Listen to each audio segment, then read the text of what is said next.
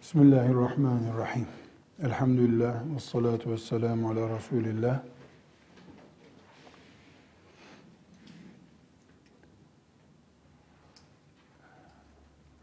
Hanım kızlar, keşke bir bayan bu dersi konuşacak olsa diye düşündüğümüz bir ders yapacağız. Zina etrafında hükümlerin, daha doğrusu dinimizin zina ile ilgili ahkamının özetini konuşacağız. Ayrıntılara e, bir girmek istemiyorum. Bir bayanın bu dersi yapması daha faydalı olurdu. İnşallah onu siz e, kaynaklarından öğrenip yaparsınız. İkinci olarak da şöyle bir hakikat var. Biraz sonra da göreceğiz. Zina o kadar büyük bir afet ki insanoğlunun öyle büyük bir uçurumu ki bunu masum, temiz, iffetli bir talebeye bir hoca anlatırken bile zihin bulanması olabiliyor. Yani faciayı tarif etmek bile bir risk taşıyor. Bu sebeple e, zina ahkamının özeti diye bir başlık koyacağız bu derse. Çok ayrıntılı bir şekilde girmek istemiyorum bu nedenden dolayı ama zina ahkamı, zina ile ilgili hükümler daha doğru bir ifadeyle bu anlatacağımızdan çok daha geniş başlıklar altında ele alınması gerekiyor. Bir mümin hiçbir harama tevessül etmemeli. Ama insan öldürmek ve zina bu iki harama hiç hiç hiç tevessül etmemeli. Ölmeli, öldürmemeli. Ve zina ya bulaşmadan Rabbine kavuşmalı. İmanımız bize böyle emrediyor. Mümin olmamız bunu gerektiriyor.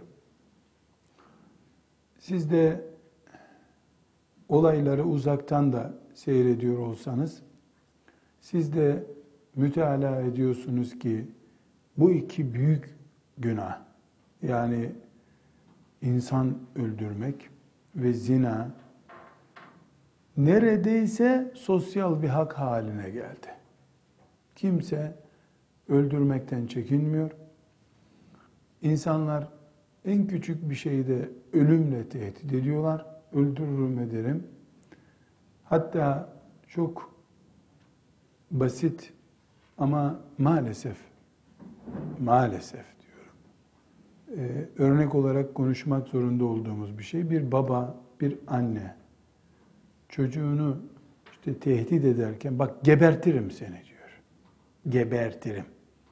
Alko, arko ve kullanılır bir deyim olmaması gerekiyor bizim lisanımızda ama sadece örnek vermiş olmak için bunu konuşayım. Gebertirim seni. Bir baba bir anneye söyleyebiliyor ve günlük tehdit oluyorsa ölüm müthiş bir faciaya döndü demektir. Ölüm insanın elinden yapıldığı zaman bu yeryüzünün en büyük suçudur. Aynı şekilde zina normalleştiği zaman da yeryüzünde ölüm faciasına neden olmak yani öldürmekten sonraki en büyük cürümdür. E, faiz de bunların ortasında bir yerde duruyor işte. Bu büyük günahlar. Hani hadis-i şerif okumuştuk. İşteni bu es-seb'al mubikat buyurmuş Efendimiz sallallahu aleyhi ve sellem. Yedi büyük helak edici şeyden kaçının diye. Şimdi ölüm bu kadar insan eliyle kolaylaştı. Bunu bir facia olarak konuştuk. O örneği e, burada niye zikrediyorum ölümcül örneği? Çünkü zina insanlıkta şöyle böyle hala suç olarak kabul ediliyor. Benim şahsi kanaatim zina suçtur, ayıptır sözü sadece şeytanın tuzağı olarak gündemdedir.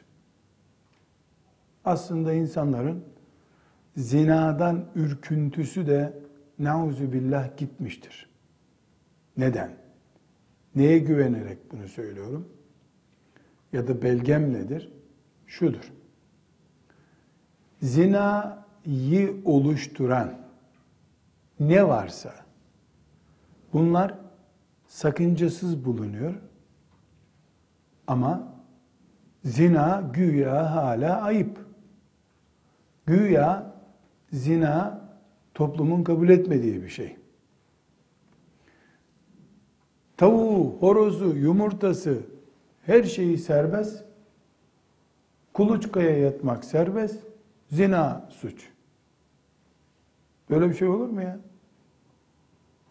İnsanlık büyük bir sürükleniş içerisinde zinanın hak olarak kabul edildiği, zinadan daha çirkin bir şey olan livatanın kanunen korunan bir hak olduğu zamana gelmiştir. Şimdi bu konuşulurken işte Avrupa toplumu, komünist blok böyle yapıyor zannediyoruz. Ama bir hakikata intibahımız gerekiyor. 40 sene önce de Avrupa toplumu böyle değildi. 40 sene önce onlar şu anda bizdeki zina ayıp, zinayı oluşturan şeyler serbest durumundaydılar. 40 yıl sonra geldikleri noktada zinada, zinayı oluşturan her şeyde serbest hale geldi. 50 sene önce İstanbul sokaklarında zina da ayıp toplumun tepkisini çeken bir şeydi. Taksim'deki tramvayda da bir kadınla bir erkeğin e, çok affedersiniz dudak dudağa gelmesi kabul edilir bir şey değildi. Şimdi geldiğimiz noktada Avrupa'da yol ortasında zina serbest, bizde de tramvayda rezillik serbest. Ama hala Müslümanlar zinanın önü kapalı bir suç olduğunu zannediyorlar. Hayır, zina kuluçkadadır. Evet zina esasen önünde bir engel yok şu anda ama güya mesela Müslüman bir aile zinaya sert bakıyor gibi bir tuzak var önümüzde. Zinaya giden bütün yollar açıktır. Zinayı oluşturacak bütün nedenler çocukların elinde bile oyuncak durumundadır. Bunu düşünmek zorundayız. Her şeyden önce hanımefendiler Bunların hepsi insan felsefesi benim sözlerimi haklı çıkarmak için ortaya koyduğum düşüncelerim. Kabul. Bir kere bizi yaratan Allah'ın ve peygamberinin zinanın öncüsü kabul ettiği halvet gibi, ihtilat gibi, kadınların teberrucu gibi, kadınların evinde kalması veya kalmaması gibi konularda ne durumdayız? Bunu incelediğimizde e, Allah'ın ve peygamberinin zaruri gördüğü tedbirler bizim için kaldırılmış durumda. E, Allah'a göre, peygamberine göre aleyhissalatü vesselam facia ile yüz yüze gelinmiş demektir. Bu da gösteriyor ki Müslümanlar olarak biz ahlak, iffet gibi konuları aslında sahte bir perde olarak tutuyoruz önümüzde. Çoktan ölmüş insan da ağıtını yakan yok. Derler ya, öyle. Ölenin ağlayanı yok. Bunun için biraz sonra da göreceğiz. Zina ile ilgili Kur'an'ın emrettiği şeylerin Resulullah sallallahu aleyhi ve sellemin ve ashabının uyguladığı şeylerin Müslümanların arasında bile ya çok ağır bunları konuşmayalım deniyor olması yeter. Başka bir söze gerek yok. Başka hiçbir şeye gerek yok. Güya bilimsellik adı altında Resulullah'ın yaptığı şeyleri yok böyle bir şey diyen mesela evli olduğu halde zina edene takdir edilmiş olan rejim cezası var mı yok mu diye Müslümanlar tarafından münakaşa edilebiliyorsa konuşacak bir söze de gerek yok demektir. Çare yok hanım kızlar. Hiçbir çaremiz yok.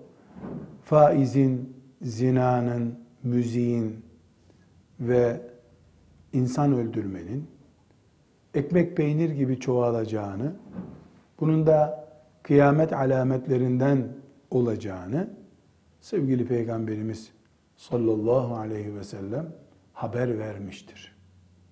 Yapacak bir şey yok. Bizim üzerimize düşen bu kıyamet fırtınası dediğimiz, diyeceğimiz, kıyamet alametleri olan bu büyük faciaların içine düşmemektir gayemiz. İçine düşmeyeceğiz. İçine düşmemek için uğraşacağız. Bir milim de olsa yaklaşmayacağız. Başka yapacak hiçbir şey yoktur. Çünkü kış mevsiminde kar yağmasını engelleyemezsin. Kar yağacak, soğuk olacak, sen evini ısıtabilirsin. Kıyamete yakın bu belalar insanlığın başına gelecek. Hiçbir çare yok. Herkes bu bela bana, çocuklarıma, çevreme, mümin kardeşlerime ulaşmasın diye uğraşacak. Nehy anil münker görevini herkes yerine getirecek. Gemimiz batmak üzeredir. Bu geminin biz neresindeyiz? Görevimiz ne? Sadık mıyız görevimize? Bir kızın bekaretinin, iffetinin seviyesiz, ahlaksız bir şekilde e, heder edilmesine karşı ne durumdayız biz? Müminlerin kızlarını kendi kızlarımız gibi kabul edebiliyor muyuz? Her zinayı başımıza düşmüş, gökten düşmüş bir taş gibi görebiliyor muyuz? Bu önemlidir. Yoksa dünyadan bu facialar önlenmez. Önlenecek olan bizim durumumuzdur. Bizim o faciaların içinde yuvarlanıp gitmeye karşı tedbir alışımız önemlidir. E, bu ümmetin iffeti korunmuşları arasında olmak önemlidir. Bunu yapabildiğimiz zaman inşallah kurtulduk. Hanım kızlar e, maalesef böyle bir acı başlangıç yapmak zorundayız. Durum ortada. Ama bir şeyi benden bir kere daha dinleyin. Ben Peygamber aleyhisselam efendimizin nübuat dediğimiz sonradan ortaya çıkacak türden verdiği bilgilere iman ediyorum. Kıyamete yakın sokak ortasında bile insanların zina edeceklerini haber verdiği için ben bunu bir facianın işte habersiz gelmesi gibi görmüyorum. Haberli bir facia bu. Ama şuna yanıyorum. Kahroluyorum ve konuşacak bir kelime de bulamıyorum.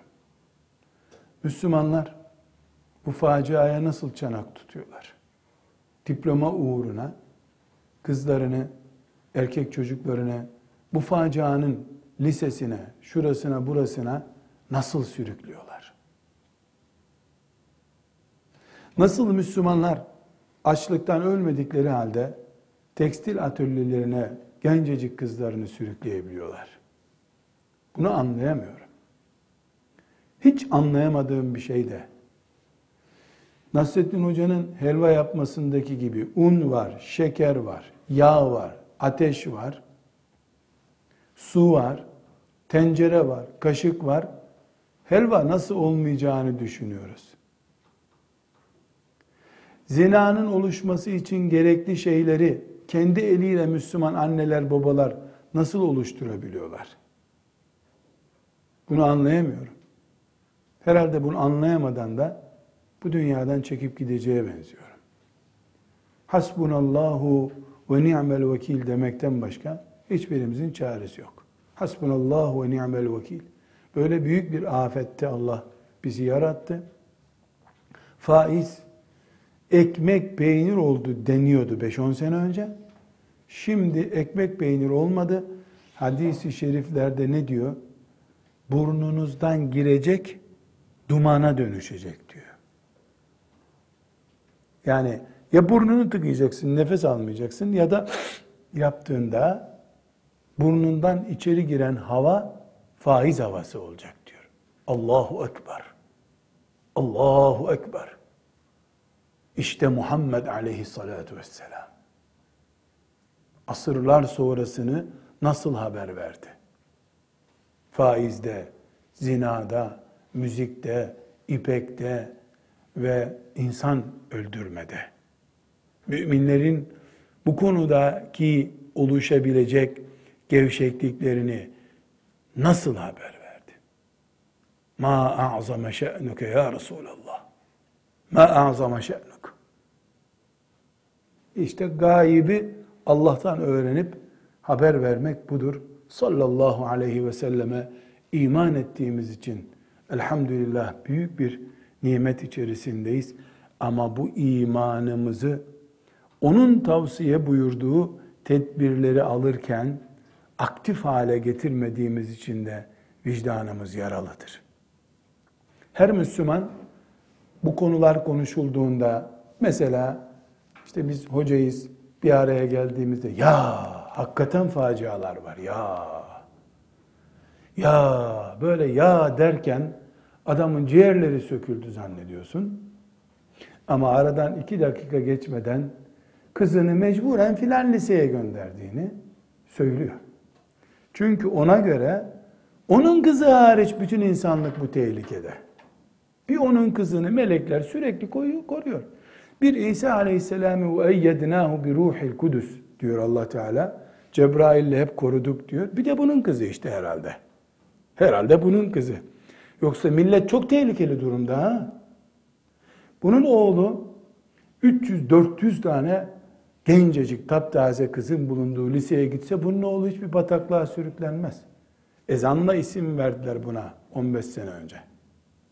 Hem bunun çocuğu korunmuş durumda. Hijyenik. Sordun mu? Bizimki hocam anlamaz öyle işlerden. Tabii 4 yaşında çocuk ne anlar öyle işlerden? Ama çocuğuyla oturuyorsun, babasından habersiz bitirmiş işleri. Babası anlamıyor onun bir şey anlayıp anlamadığından aslında. Hanım kızlarım, dediğim şudur. Zina böyle geliyor zaten. Faiz böyle geliyor.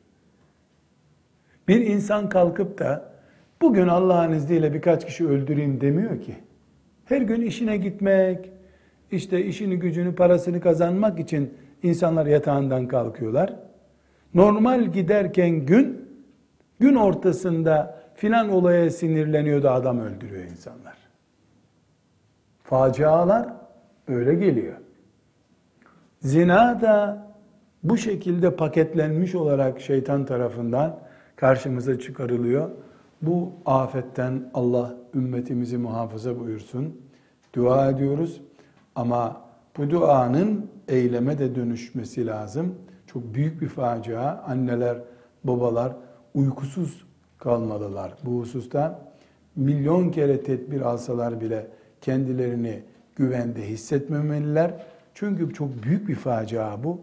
İnsan sabah akşam böyle facialara yakalanmadan Rabbine temiz kavuşmayı temenni edecek dualar içinde olmalıdır. Hanım kızlar biz meselemize tekrar dönelim. Ee, zinanın etrafındaki e, şeriatımızın öğrettiği hükümleri, fıkıh kurallarının özetini tekrar etmek istiyorum. Bir kere dinimizde günahlar hakkında had indirilen günahlar ve indirilmemiş günahlar diye ikiye ayrılır biliyorsunuz. had ne demek? Bedene uygulanan ceza demektir. Hırsızın bedene uygulanan bir cezası vardır. Kol kesmek. Buna had diyoruz. Çoğulu bu kelimenin huduttur. Hadler demek. Kur'an-ı Kerim tilke hududullah diyor. Bu Allah'ın çizgileri, sınırları. Ama aynı zamanda da şeriatının koyduğu cezalar demek. Hududullah. Hadler Kur'an-ı Kerim ve hadisi şeriflerle belirlenir. Fukahanın içtihadı ile had olmaz. Zina hakkında had belirlenmiş suçlardan, büyük günahlardan birisidir. Mesela anne ve babaya karşı asi olmak, anneyi babayı ezmek, haklarına tecavüz etmek de kebair günahlardandır. Büyük günahlardandır. Ama hakkında bir had yoktur. Bu ne demek? Bedensel bir ceza yoktur. Ahirete intikal eder. Müthiş bir azap bekler insanı. Mesela anneye babaya e, saygısızlık, kusur, kusurlu bir davranışta bulunduğu için. Günahlar ikiye ayrılıyor demek ki. Hakkında had indirilmiş günahlar hakkında had indirilmemiş günahlar. Anne babaya karşı gelinmiş günah hakkında had bulunmadığı için böyle bir suç işleyen anasının babasının gönlünü alır, istiğfar eder, tövbe eder, kurtulur. Ama hakkında had belirtilmiş günahlar, mesela daha önce öğrendiğimiz kadına zina ettiğine dair iftirada bulunana Allah Teala 80 sopa vurulmasını emretmiştir. Bu bedensel bir cezadır. Mesela insan öldüren birisine kısas yapılır. Dolayısıyla dinimizde e, insan öldürmenin cezası kısastır. Ne demek kısas? Öldürdüğün gibi öldürülürsün. Bu beden üzerinden infaz edilen bir cezadır. Bu ceza sayesinde o mümin tövbe ettiyse eğer samimi bir şekilde cezasını da çekmiş olur, ahirete masum olarak, günahsız olarak gider. Hadler bunun için vardır. Ama devlet haddi uygular, buna rağmen o hala tövbesini yapmadıysa e, ahirette de cezasını çeker. Toplumsal ve siyasi, sosyal olarak e, İslam devletinin üzerine düşen görev bu tür suçları cezalandırmaktır. Bu cezaya müstahak olan insan tövbesini istiğfarını da yapmış ise cezadan önce kurtulur. Değilse hem dünyada cezasını çeker hem de ahiretteki cezasını çeker. Dünyada da had cezasından bir becerip kurtulduysa işte şu neden bu nedenle e, toptan ahirete kalır o zaman. Dünyadaki de ahirete intikal eder. Demek ki burada ince bir ayrım yapıyoruz. E, günahlar, günah olan şeyler, hakkında had bulunanlar ve bulunmayanlar diye ikiye ayrılıyor. Zina hakkında en ağır cezanın indirildiği, hadlerin en ağırının uygulandığı bir suçtur. Zina suçu. Hanım kızlar, önceki derslerimizde fıkha giriş bölümünde farklı zamanlarda bir şeyi yoğun bir şekilde gündeminize getirdim. Defalarca da getireceğiz. İnşallah usulü fıkıh bölümüne becerir bu imtihanları geçer de usulü fıkıh bölümüne intikal edebilirseniz orada Şatibi'nin muvafakatından da uzun uzun okuyacağız. Demiştik ki İslam şeriat olarak beş temel özelliği koruma üzerine kuruludur. İslam din olarak, sosyal yapı olarak, bir fıkıh sistemi olarak beş şeyi korumak için vardır. Din, can, namus, akıl ve mal güvenliği. Bu beş şeyi farklı zamanlarda, farklı şekillerde hep gündeme getirdik. Din, can, namus, akıl ve mal. Bazen akıl namustan önce konuşulur. Namus akıldan sonra konuşulur. Ama her halükarda bu beş şey dinin bunlar yoksa ben yokum dediği şeylerdir. Ve bunlar için çok ağır denebilecek kurallar getirilmiştir. Namus bu beş şeyden biridir. İnsanların namuslarının dolayısıyla neseplerinin korunması. Nesep ne diyoruz? Bir insanın yukarı doğru Adem Aleyhisselam'a doğru giden soyu demek. Bugün bozulmuş bir nesep A şahsında veya B şahsında yitirilmiş namus açısından kaybedilmiş bir nesep o nesep yoluyla 5 asır, 10 asır, 20 asır sonra devam ettiğinde insanlık mesela bugün A şahsı iffetsizlik yapmıştır. Nesebini bozacak, namussuz denecek bir iş yapmıştır. 7 asır sonra onun 12.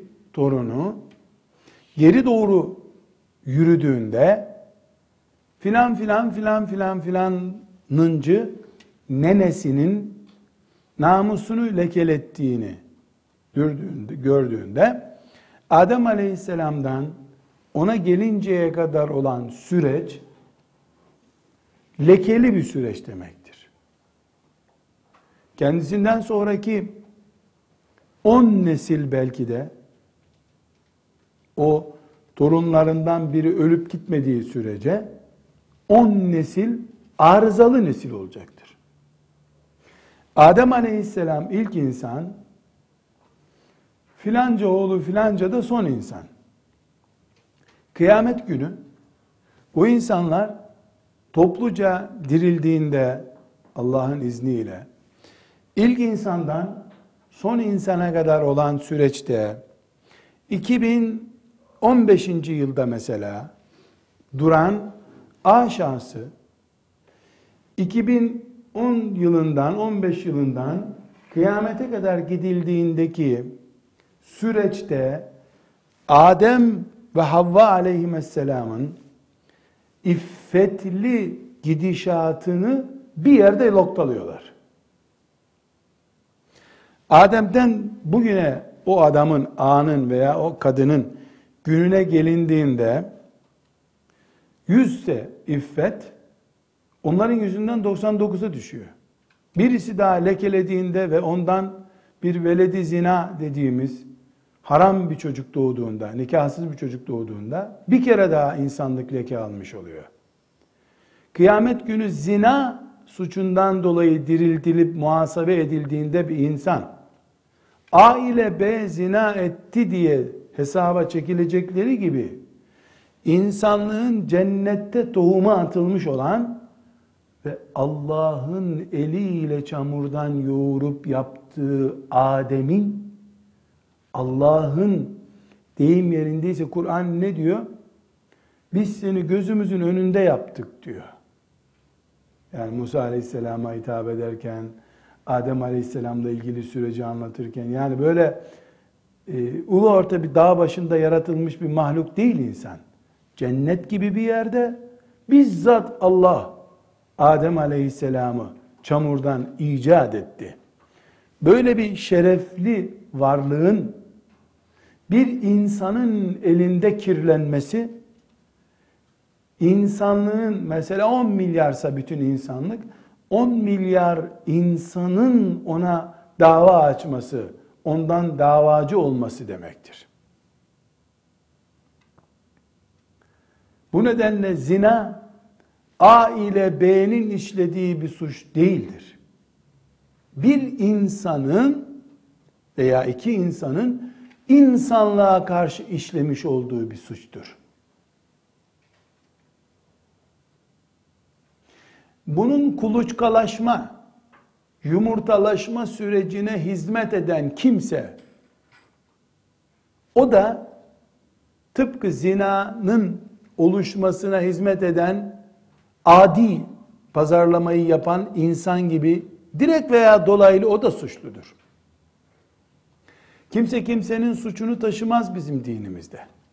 Ama beni evlendirin ben tehlikedeyim diyen bir çocuğunu şu olmaz bu olmaz diye evlendirmeyen bir Müslüman yarın zinaya düştüğünde çocuğu maazallah elbette babam sebep olmuştu, anam sebep olmuştu, filancalarla evlendirmem seni deyip bekletmişti beni diye bir özür beyan edemez kıyamet günü. Ama o özür beyan etse de etmese de Allah sebep olmaktan o anneyi babayı yargıladığında o anne baba zina ne demekse hangi suçsa bütün insanlığın şerefiyle oynama suçuysa onunla muhakkak hesap verecektir Allah'ın huzurunda. Bunun için şeriatımız bir cümleye çok dikkat ediniz. Daha sonra zinaya karşı tedbirler başlığıyla inceleyeceğiz bunu. Şeriatımız hanım kızlar zina hakkında ne kadar ağır, zorlaştırıcı yasaklar getirdiyse, ağır cezalar getirdiyse, en ağır cezayı zinaya getirdiyse aynı şekilde zinanın helal olan tek alternatifi olan e, evliliği ve helal e, evlilik yollarını, nikahı da o kadar kolaylaştırmıştır. Boşanmanın da kolaylaştırılma nedeni budur. Dikkatinizi çekerim. Bu yüzden boşanma İslam'da mahkemeye intikal etmeden halledilebilecek işlerden birisidir. Çünkü boşamanın zorlaştırılması köpeğe karşı taşların bağlanması demektir. Taşları bağladın mı köpek saldırır. Taşları bağlamayacaksın. Şimdi bütün dünyada boşanma şu veya bu sosyal gerekçelerle adam öldürmekten zor neredeyse. Ama zina serbest. Çünkü yeryüzünde şöyle bir denge var. Ya zinayı zorlaştırıp helal evlenmeyi ve boşanmayı kolaylaştıracaksın. Ya da tersini yapıp zinayı serbest bırakacaksın. Boşanma ve evlenmeyi zorlaştıracaksın. Şimdiki yaşadığımız faciada masrafları istedi verdi vermedi o doğulu bu batılı olmaz şu esmer bu kısa boylu gibi bin sebeple sanki evlenme ne olursun diye gençlerin önüne barikatlar kuruluyor Ondan sonra ya boşanmamız gerekirse beş sene mahkemelerde sürünürüz diye bir kere daha zorlaştırılıyor evlenmek. Ama zina gençliğin haklarından biri haline geliyor. Şöyle bir denge var. Zinayı ne kadar bastırırsan evliliği ve evliliğin yürümemesi halinde boşanmayı o kadar kolaylaştırman lazım. Zinayı zorlaştırdın, evlenmeyi ve boşanmayı da zorlaştırdın, gene uçurum var ortada. Hangisini kolaylaştırırsan öbürü zorlaşır gerçekleşme açısından. Evlilik ve yürümeyen evlilikte boşanmayı kolaylaştırdın mı zinanın önü tıkanır. Burada yani evlilikte ve yürümeyen evliliği boşamada engeller çıkardığın zaman senin elinde zaten beş tane mesela teneke var. Böyle barikat yapacaksın onlardan. Bu beş tenekeyi ya zinanın önüne koyacaksın ya da evliliğin önüne koyacaksın. Allah bu beş tane varili tenekeyi zinanın önüne koydu. Çevirdi zinayı, zina dışarı çıkmasın, kimse zinaya ulaşmasın diye. Beşeri düzenler şimdi ne yaptılar? Aldılar o varilleri, tenekeleri evliliğin etrafına koydular. Evliliğe gitmek isteyen sıkışıyor ama zinaya geçmek istediğin zaman zaten sıkıntı yok. Ananın babanın verdiği bir hak sana gibi duruyor. Burada hanım kızlar şeriatımızla beşerin yapısı arasındaki farkı bir kere daha görmüş oluyoruz. Bu şüphesiz komikliktir. Bizim konumuz bu değil. Bunu tartışmak istemiyoruz. Şeriat kelimesini konuşurken e, ilk fıkha giriş bölümünde bu meselelere bir miktar değinmiştik. Ama her halükarda şu anda e, şeriatımızın neden zinayı yasakladığını konuştuk. Zinanın etrafında kalın bir barikat kurdu. Şimdi beşeri sistemler aldı o barikatları oradan. Kadına hak vereceğim bilmem ne diye getirdi. Evliliğin önüne koydu. Evlilik ashab-ı kiramda bana Fil suresini öğretir misin? Öğretirim. Ben de sana bekaretimi hediye ettim, evlendim seninle denir tarzdaydı. Şimdi ise aman Allah bir devlet öbür devletten toprak alsa daha ucuza mal olur. Bütünü bir evlilik. Pahalıya mal oluyor. Bu pahalılığın kıymetini bilmeyecek insanların elinde pahalı bir nesne oluyor. Çok pahalı bir cep telefonunu 3 yaşında çocuğun eline vermiş gibi oluyorsun. Bunları gören bilhassa kızlar, genç kızlar, annelerinin, teyzelerinin, işte görümcelerinin vesairelerin e, evlilikteki yaşadıkları çetrefilleri görünce evlenmeyeyim düşünüyorlar bu sefer. Evlenmeyeyim düşünmek hakkı. Ama hakkı olmayan bir şey var. Allah bu ateşi senin içine verdi. Bunu nasıl söndüreceksin? İnternete bulaşacaksın. Cinsel sapıklık denen rezilliklere geçeceksin. Bu ateş bir şeyle sönecek. Ya da mesela genç yaşta her üç günde bir hastaneye gitmesi gereken ağır bir hastalığa yakalanacak. Onun şehvete takati yok zaten. Ama bedeni gücü yerinde. Muhakemesi var, gözü görüyor, kulağı duyuyor.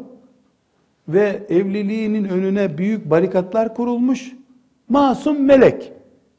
Anadolu'da bir deyim var ya külahıma anlat sen bunu diyor. Bunu külahıma anlat sen. Anlat. Vurgulaya vurgulaya söylüyorum. Hafızmış, İmam Hatip mezunuymuş, öbür külahıma anlat bunu sen. Onu da anlat. Neden? Allah yarattığını bilir. Bu işler ashab-ı kirama anlatıldı. Daha mı takvayız biz? Zina bu ümmetin beş stratejik noktası olan din, can, namus, akıl ve mal stratejilerinden ciddi bir şekilde üçüncü noktada duran namusu risk altına aldığı için en büyük suç kabul edilmiştir. İnsan öldürmekten sonra en ağır cezada buna getirilmiştir. Bu cezayı ayrı ayrı konuşacağız. Ancak bu büyük suç, şu anlattığım dehşet halindeki suç kendi içinde daha da ağır hale gelir. Mesela mahremlerinden biriyle zina ederse bir insan bu bahsettiğimiz ikiye katlanmış olur. Evli bir kadın bu zinayı yaparsa üçe katlanmış olur. Komşusuyla yapılırsa dörde katlanmış olur. Allah yolunda cihada giden bir mücahidin hanımı ile bunu yapan beş kere zina yapmış olur. Bunların bir tanesi gökleri başımıza düşürüyor zaten. Ama hadisi şeriflerden görüyoruz. Katmerli oluyor. Hangisi katmerli oluyor? İşte sözünü ettiğimiz şekilde e, mahremle nauzu billah burada telaffuzundan bile haya ederim. Yani e, yabancı biriyle zina yaptığı zaman bu facia işte. Biraz sonra ayetleri okuyacağız, hadisleri okuyacağız. Bu ölüm. Ölüm bu. Ama mahremi sayılan maazallah teyzesiyle mesela. Mahrem teyze çünkü. Veya dayı. Mahrem. Onunla yapılmış bir zina bırak yani bu ölüm bile değil. Ölmek bile değil o artık. Bu bir de evli kadınsa bunu yapan o ölüm değil hiçbir şey değil. Hiçbir şey değil daha. Onun bir ismi yok. İsmi yok onun. Bir de Allah yolunda cihada gitmiş bir komşunun hanımıyla adam cihatta cephede ümmeti Muhammed için çalışıyor. Hanımına tasallut oluyor birisi. Onun zaten haritada da yeri yok. Cehennemde bile nerede olduğu belli değil onun. Maazallah. Zina bir facia. Yalnız bir şeye dikkatinizi çekeceğim. Çok dikkat ediniz. Şimdi bunları konuşurken biz ha demek ki zina normal oluyormuş da komşuyla yapılınca anormal oluyormuş zannetmeyesiniz. Şeytan öyle bir şey sevke götürmesin. Zina ölümdür. Ölümün ölümü bu bir daha. O ölümün üç defa dört defa ölüye ölü e, tattırmak, bir kere daha öldürmek gibi bir faciadır. Nauzu. Bunu da hadisi şeriflerden bu ayrıntıyı görüyoruz. Şimdi e, zina üzerinde had bulunan bir cezadır. Bu had e, cezasına geçmeden önce e, zinanın çirkinliği ve haramlığı konusunda iki ayeti celileyi ele alacağız. Sonra da e, zinanın haram oluşunu ve cezasını öğreten Nur suresinin ikinci ayetini okuyacağız. Birinci ayet İsra suresinin 32. ayetidir. Ee, İmam Kurtubi rahmetullahi aleyh sabahleyin tefsirden bir bakayım dedim Kurtubi'ye. Bu ayetle ilgili çok e, nazik ifadeler kullanıyor. Bu ayet zina yapmayın demediği halde zina yapmayın sözünden daha ağır bir tehdittir diyor. Bildiğiniz meşhur ayet İsra suresinin 32. ayeti وَلَا تَقْرَبُوا الزِّنَا İnnehu kâne fâhişe ve sâe sebîlâ. Zina yapmayın demiyor. Tıpkı hanımefendiler hatırlarsanız namazla ilgili konuşmalarımızda dedik ki Kur'an'da salla fiili yoktur. Yani namaz kılmakla ilgili sallu fiili emri hazır şeklinde yoktur. Namaz kılın demez Allah Teala. Hadis-i şeriflerde namaz kılın ifadesi var. Namaz salla fiili kullanılıyor ama bu emri hazır kalıbında kullanılmıyor. Ne var Kur'an'da? Ekimis salah var. Namazı ikame et. Namazı ikame etmek başka şey, kılmak başka şey. Kılmak işte bizim yaptığımız gibi tekbir alıyorsun, abdest alıyorsun filan böyle buna. İkame ise Ali bin Ebi Talib'in kıldığı namaz. Namazı ayakta tutmak, hakkını vermek. fuhşiyat ve münkerattan koruyan namaz kılabilmektir ikame etmek. Namazı böyle anlatıyor Allah. Zinayı da yapmayın demiyor. وَلَا تَقْرَبُ zina. Zinaya yaklaşmayın diyor. Yaklaşmayın. La takrab yaklaşma demek.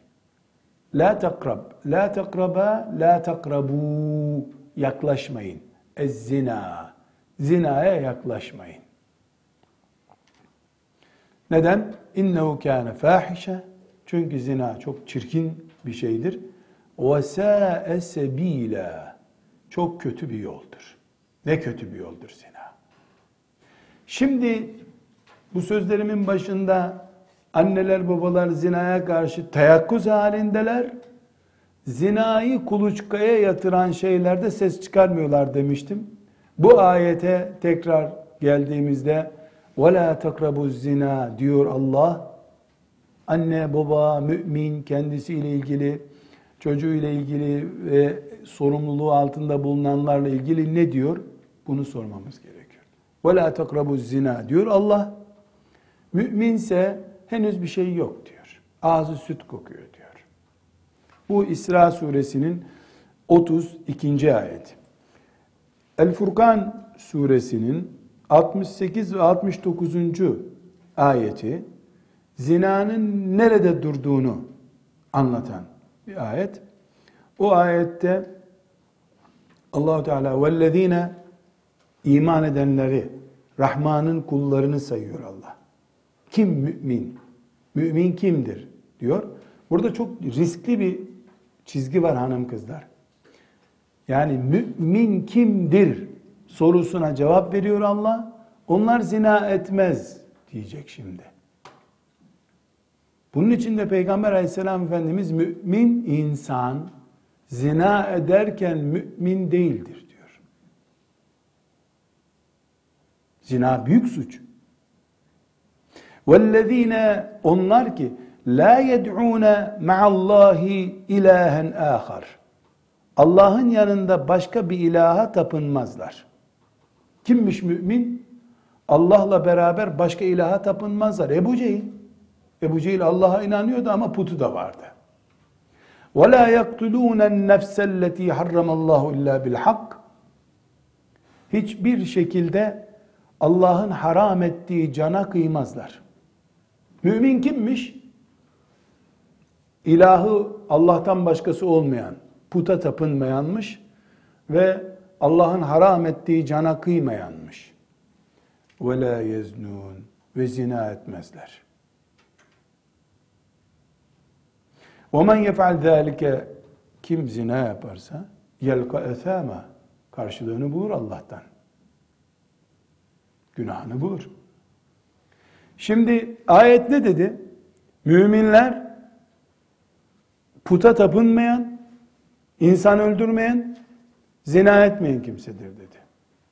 Ters çevirelim cümleyi.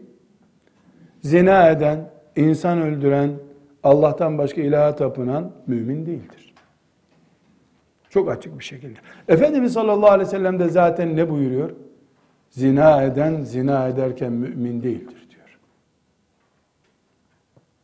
Bu Furkan suresinin 68 69. ayet. Abdullah İbni Mes'ud radıyallahu anh'ın rivayet ettiği Bukhari'de, Müslim'de, Ebu Davud'da ve Nesai'deki bir hadis-i şerif var. Rakamlarını vereyim.